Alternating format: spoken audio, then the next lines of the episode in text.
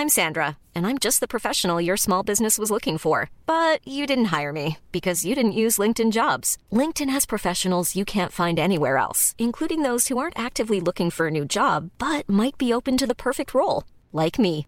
In a given month, over 70% of LinkedIn users don't visit other leading job sites. So if you're not looking on LinkedIn, you'll miss out on great candidates like Sandra. Start hiring professionals like a professional. Post your free job on linkedin.com/people today. Millions of people have lost weight with personalized plans from Noom, like Evan, who can't stand salads and still lost 50 pounds. Salads, generally, for most people, are the easy button, right? For me, that wasn't an option. I never really was a salad guy. That's just not who I am. But Noom worked for me. Get your personalized plan today at Noom.com. Real Noom user compensated to provide their story. In four weeks, the typical Noom user can expect to lose one to two pounds per week. Individual results may vary. Är du tillsammans med en person du älskar, men känner att du ibland hör dig själv låta som dina föräldrar lät när du var tonåring? Att du kommer på dig själv med att be din partner plocka upp kläderna, ställa in disken och man känner att det där pirret eller resan till ön Pippalos inte känns så nära till hands när man går från att ha en partner till att känna sig som en förälder till densamme. Så hur får vi vår älskade att förstå att det där vardagsstöket kan göra det rätt stökigt i relationen? Vad säger vi för att få dem att ta mer ansvar och ge mer utrymme åt ett härligt förhållande? Det grottar vi ner oss i idag. Det här är veckans retoriktips i Snacka snyggt med Elaine Eksvärd. Jag tror att många av oss har varit där. Att vi känner oss som familjens plockare och finner det ganska fascinerande att partnern inte ser allt som behöver göras i köket innan hen kraschar belåtet i soffan.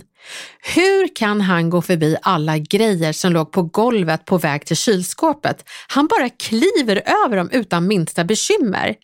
En annan agerar bläckfisk och plockar upp och ställer tillbaka allt som går på vägen dit. Det är rätt avtändande med en partner som man säger till, som om hen vore ens tonårsbarn. Men det är också rätt avtändande att vara tillsammans med någon som tar toner som ens mamma hade. Så vad säger vi? Berätta vad du skulle uppskatta istället för vad du är missnöjd med. Du och din partner kanske har olika prioriteringar, men en sak har ni i alla fall gemensamt och det är ju varandras välmående. Det är ju en prioritet. Och är det så att du skulle vilja att han istället för att kliva över en tidning som ligger på golvet faktiskt väljer att plocka upp den, för det skulle göra dig så himla glad, då kanske det låter som en bagatell för honom, men det är ju inte det för dig. Missen skulle vara att säga, jag känner mig som din morsa när du inte städar och det gör mig ganska avtänd på dig generellt. Det där är ett negativt tillstånd och en klagan. Satsa på att säga det du önskar och det du vill se istället. Säg, älskling, när du går till kylskåpet, ta med dig tidningen på vägen. Det skulle göra mig så himla glad om du inte använde det som fanns på golvet som spännande hinder att hoppa över. Kan du inte vara min bläckfisk och liksom plocka upp det? Testa att fråga vad din partner vill att du gör annorlunda. Det kan vara bra att bädda för feedback genom att be om det själv. Jag har varit tillsammans med Gustav i 13 år och jag kan säga att jag själv blir lite rädd över att ställa frågan, vad kan jag göra annorlunda? Och jag är rädd av det enkla skälet att karn aldrig klagar. Det är jag som står för sånt. Men tänk om ens partner odlar ett missnöje utan att man vet om det. Vissa gör ju det väldigt länge, tills de når en gräns. Och då hade ju personen på andra sidan gärna haft en chans att korrigera och bett om ursäkt.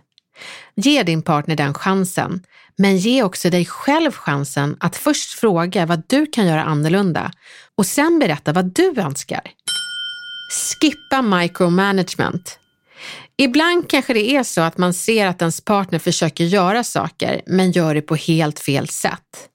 Att grotta i varför det går fel är ingen vinnare när du istället kan fråga om du får berätta hur du gör som gör det hela ganska mycket lättare. Säg, jag brukar göra så här. Eller, får jag visa hur jag brukar göra som gör det lite lättare? Gör det inte anklagande utan frågande och faktiskt lite inkännande. Han kanske tar upp tidningen och kastar den på en bänk tillsammans med andra grejer han kastar där och du ser den där äh, bänkhögen växa och du har en liten suck inom dig, men du, håll kvar sucken. För även om du har en partner som gör på helt fel sätt, så har du ändå en partner som försöker. Var glad för det några tillfällen och sen kan du ta nästa steg och berätta. Till syvende och sist så är det viktigt att inte vara besviken i hemlighet utan öppet berätta vad som är värdefullt för en och varför det är värdefullt. Men samtidigt var nyfiken på vad din partner tycker är viktigt.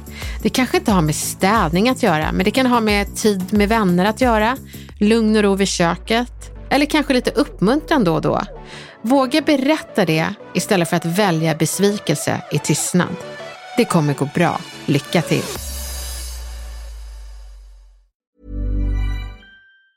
Planning for your next trip? Elevate your travel style with Quince. Quince has all the jet setting essentials you'll want for your next getaway, like European linen, premium luggage options, buttery soft Italian leather bags, and so much more. And it's all priced at 50 to 80% less than similar brands. Plus, Quince only works with factories that use safe and ethical manufacturing practices. Pack your bags with high-quality essentials you'll be wearing for vacations to come with Quince. Go to quince.com slash trip for free shipping and 365-day returns.